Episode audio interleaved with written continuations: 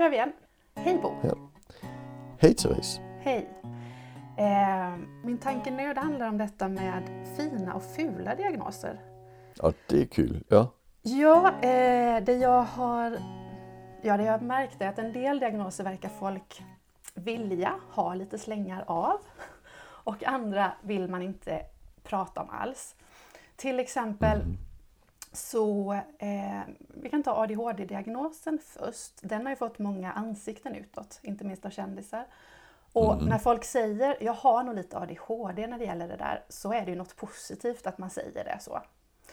Eh, som att, mm. ja, men, att man är lite skönt slarvig så. Eh, men andra diagnoser, som eh, mitt exempel är borderline, känns lite skämmigt så att prata om. Och när jag hör ordet borderline så får jag upp den här filmen i huvudet, Girl Interrupted med Angelina Jolie. Hon var väldigt mm. destruktiv och svart mascara och alltihopa.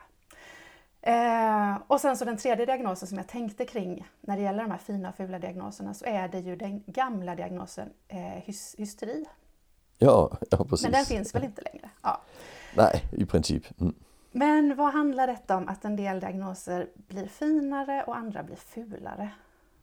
Vad säger du? Att, ja, alltså, jag hur ska man säga? Det, det, det, det är inte helt enkelt för det är, jag tror ju det är en kulturell sak. Eh, øh, och sen, sen får de sitt eget liv och där spelar moral och allt möjligt annat in i det. Øh, eh, jag, jag brukar förhålla mig väldigt, väldigt mycket till Michael Tomasello som är en, en utvecklingspsykolog från Tyskland som egentligen håller på med någonting helt annat. Men han, han har ju delat upp, man kan säga, vårt sätt att tänka kring personer som gör något vi inte tycker de borde göra. Där säger han att där väljer vi ibland att tänka att det är en svag och sårbar person eller ibland väljer vi att tänka att det är en person som kan bättre om personen vill och därmed blir det en omoralisk person. Och mm. när jag tittar på de här diagnoserna så, så är det ju, kan det vara en viss typ av svaghet vi inte vill ha. Andra typer av svaghet så vill vi gärna ha. Och sen kan det också finnas diagnoser som har råa, eh, alltså moraliserande aspekter och där är just borderline det bästa exemplet. Mm. Det är till exempel väldigt, väldigt svårt att uh, ha en borderline-diagnos och vara i kontakt med socialförvaltningen kring sina barn. För personer med borderline-diagnos blir behandlade betydligt sämre än personer med andra diagnoser av socialtjänsten. Mm. Med risk för tvångsomhändertagande och så för det att vi lägger ett moraliskt filter över den diagnosen som blir väldigt besvärligt. Mm. Eh, och det gjorde vi väl inte kring hysteri, men hysteri handlar ju också om att den, det hörde ju hemma med en, alltså svaga kvinnor i överklassen. Det var ju inga hysteriker i underklassen för hundra mm. år sedan. Alltså, så det är ju andra liksom, associationer som också spelar in i den diagnosen. Mm. Medan ADHD, där är det ju, där är det ju bara en, en häftig diagnos om du är sådär lite lagom svag. Är du mycket ja, svag i ADHD, där är det ju ingen kul någonstans. Nej. Alltså jag tycker det är så spännande det här med att alltså, var vi i kulturen sätter vår gräns för att uppföra oss. Alltså för så länge personen uppför sig, och, och det är ju inte bara att följa reglerna, det är inom den gränsen vi gemensamt har satt för vad det är att uppföra sig. Då är det lite skönt med en diagnos. Men i det ögonblicket han inte uppför sig och det är på grund av diagnosen, då är det inte lika kul längre. Mm. Och det är ju det som kännetecknar just, just borderline, det är att vi upplever att de inte uppför sig. De gör fel misstag. Mm. Just borderline-diagnosen har man väl bytt namn på? Alltså den, den bytte ju först namn och sen är den ju på väg bort helt. Alltså för, för just mm. för att den, den, där kommer ju ett annat sätt att förklara de här øh, funktionsnedsättningarna på. För det är ju det vi vet idag att det faktiskt är en funktionsnedsättning. Øh, och då ska vi ju inte diskutera det i moraliserade termer och vi ska kanske inte heller diskutera det i personlighetsmässiga termer. Så, så vi började ju diskutera det i förhållande till, till alltså mer förmågeorienterat. Det är bland annat Predrag Petrovic i, i, Sverige som har samlat den forskningen jätte, jättefint i en bok som heter Känslostormar som kom för några år sedan på Naturkultur. Mm. Och det handlar ju om att, att, att den här gruppen fick så väldigt, väldigt dålig vård just på grund av att vi la det här moraliska perspektivet. Mm. Så, så, så, så, det gäller alltså det, det, det, man kan säga i grova drag är det finare att ha en, en neurologisk diagnos än en moralisk diagnos. Mm. Alltså det, det är en social diagnos, det är inte lika fint som en, som en neurologisk diagnos. Men sen är det ju inte så enkelt heller, för det, det är ju inte heller jättefint att ha en intellektuell funktionsnedsättning. För vi värdelägger begåvningar så, så det, det är ju komplext alltså. Och där, eh, nu har jag två tankar i huvudet. Den, ena den var ju detta med eh, eh, intellektuell funktionsnedsättning som ju hette utvecklingsstörning innan. Och Ja. där, så där har man ju bytt namn för att eh, jag, jag tänker många, många anledningar när man byter namn så är det ju för att komma bort den, den där moraliserande klangen eller att man har... Ja. Eh, och, och kanske att man försöker beskriva lite mera, vad ska man säga, lite mer observerande. För jag tänker borderline heter ju nu emotionellt insta, in, emotionell instabilitet. Mm. Eh, som kanske berättar något mer än vad bara ordet borderline gör. Eh, med detta med att Absolut, byta ja. namn och så. Mm. Ja fast oftast har man ju bytt namn för att folk har börjat använda äh, diagnosbeteckningarna som globot. Alltså så pass enkelt är det ju. Mm. Alltså de, de, de orden vi använde tidigare eh, kring just utvecklingsstörning eller intellektuell funktionsnedsättning det var ju, alltså idiot är ju ett ord som, som faktiskt var ett diagnosord Mm. för hundra år sedan i, i, i den, den delen. Eh, så, så, och, och retarderad och alla de här, så, så när, de, när de kommer in i språket som globot då måste vi ju ändra på dem. Mm. Eh, och, och då gör vi ju det. Och där försöker vi ju, alltså där har vi ju med tiden blivit bättre på att försöka beskriva det istället för bara beteckna det. Men, men eh, det är ju bara, det, det Mm. tror jag, jag tror inte det är en rörelse. Jag tror utan det är bara för att vi måste byta i alla fall.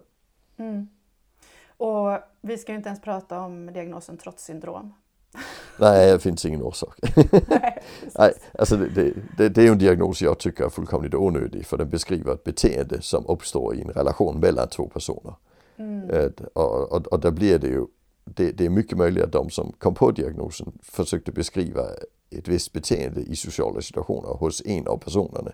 Mm. Men, men det beror ju alltid på vad den andra gör. Alltså, du, vi, vi kan bli trotsiga allihopa i olika sammanhang. Och jag tycker Mm. det är jättespännande. Jag, jag jobbar mycket med bemötande frågor och just det här med att om vi bemöter fel så blir folk mer trotsiga. Det är Mm. väldigt, väldigt lätt som polis att få fotbollssupportrar att tycka man är en idiot. Mm. Det handlar bara om vad man gör. Alltså, och då är det inte för att alla fotbollssupportrar har, har trotssyndrom eller att de bara har det när polisen gör på ett visst vis. Utan det är för att, att ordet trots är ett lydnadsord. Det betecknar ju att du inte lyder. Och det blir jätte, jättebesvärligt när vi inte som system egentligen bygger samhället på att man ska lyda. Mm.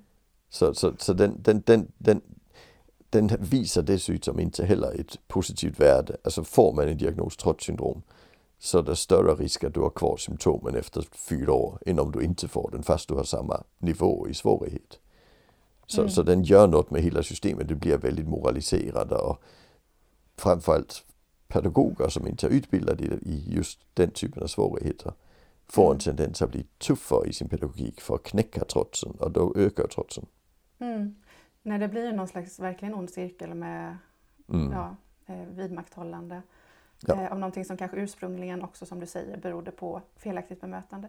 Men Ja, som också, anledningen- som också handlar lite om att man ska vara trotsig när man är två till exempel. Ja, för man ska, ju, man ska ju in och bestämma vem är jag och vem är du och så. Och det gör man genom att säga nej. Ja, absolut. Mm. Det, det är ju väldigt sunt.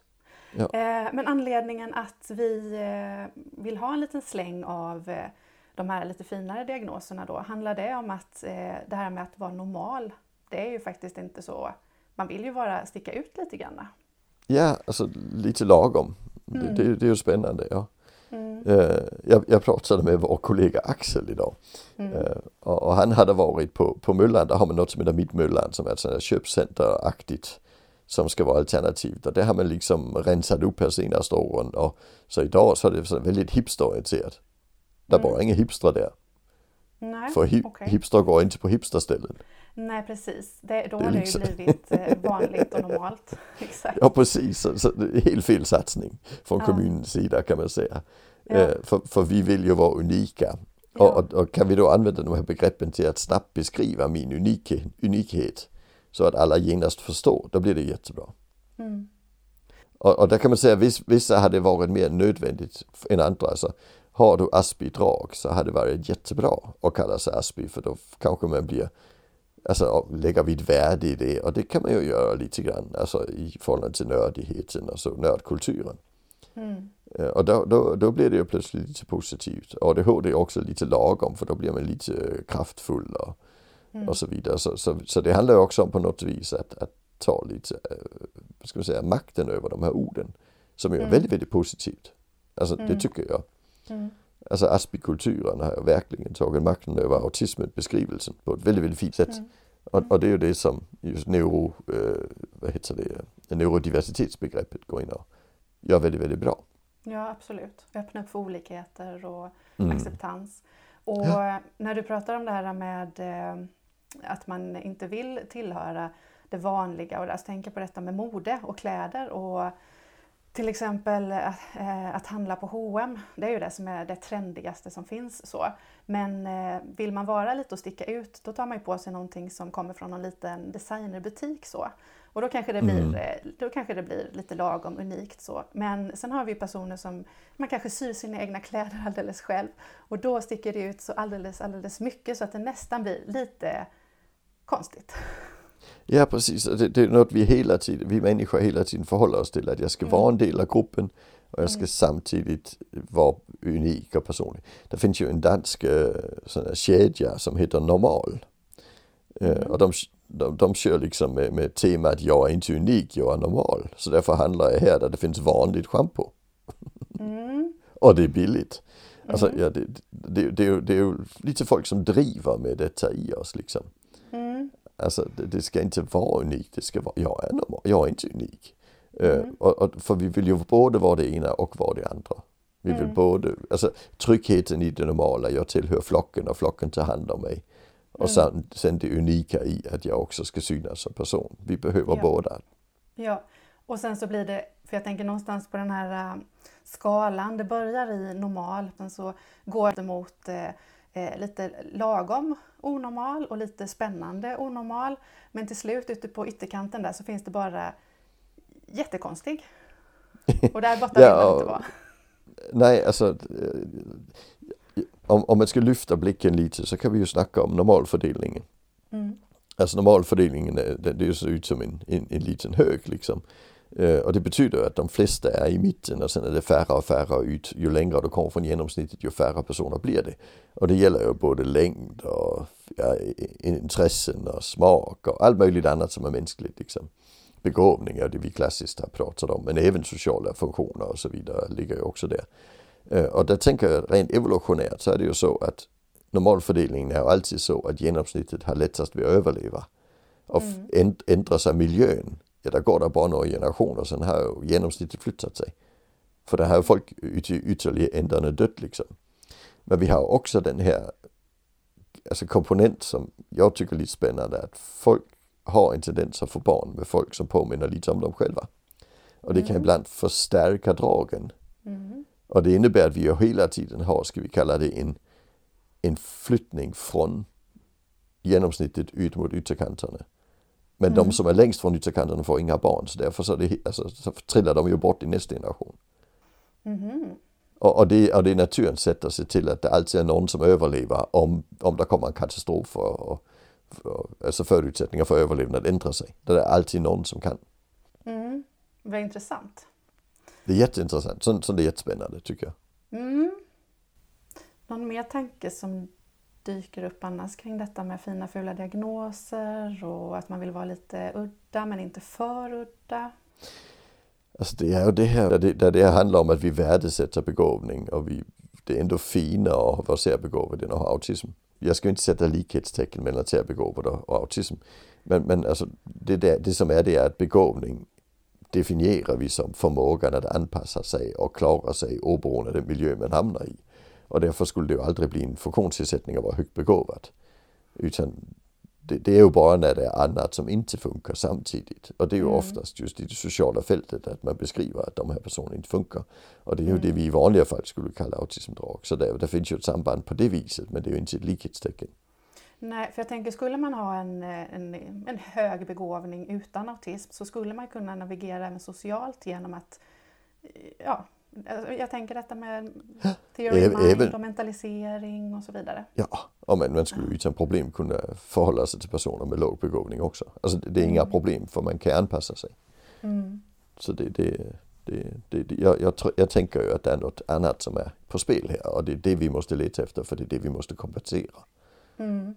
Det, det tycker jag är viktigt. Också för det att jag har ju jobbat med diagnostik och, och vi har fått in de här som har beskrivits som särbegåvade fem år tidigare och sen har man försökt anpassa och inte, inte hjälpte det. Och sen så småningom när vi träffar dem så ser vi att alltså när vi gör formella testningar så uppfyller de faktiskt kriterierna för andra diagnoser.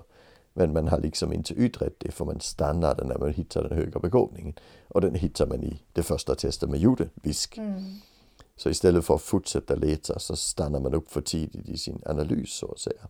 Och Mm. alla blir glada för det låter positivt. Mm. Och, och man kan inte säga att det inte är autism om inte man har gjort en utredning av autism. Det, det, det är lite viktigt. Alltså, Ja, så man gör en AID och så en ADI eller disco eller något liknande innan man gör den uteslutningen. Mm. Där tror jag många fick mycket att tänka på. Mm. Får vi hoppas. Ja, det får vi hoppas. Mm.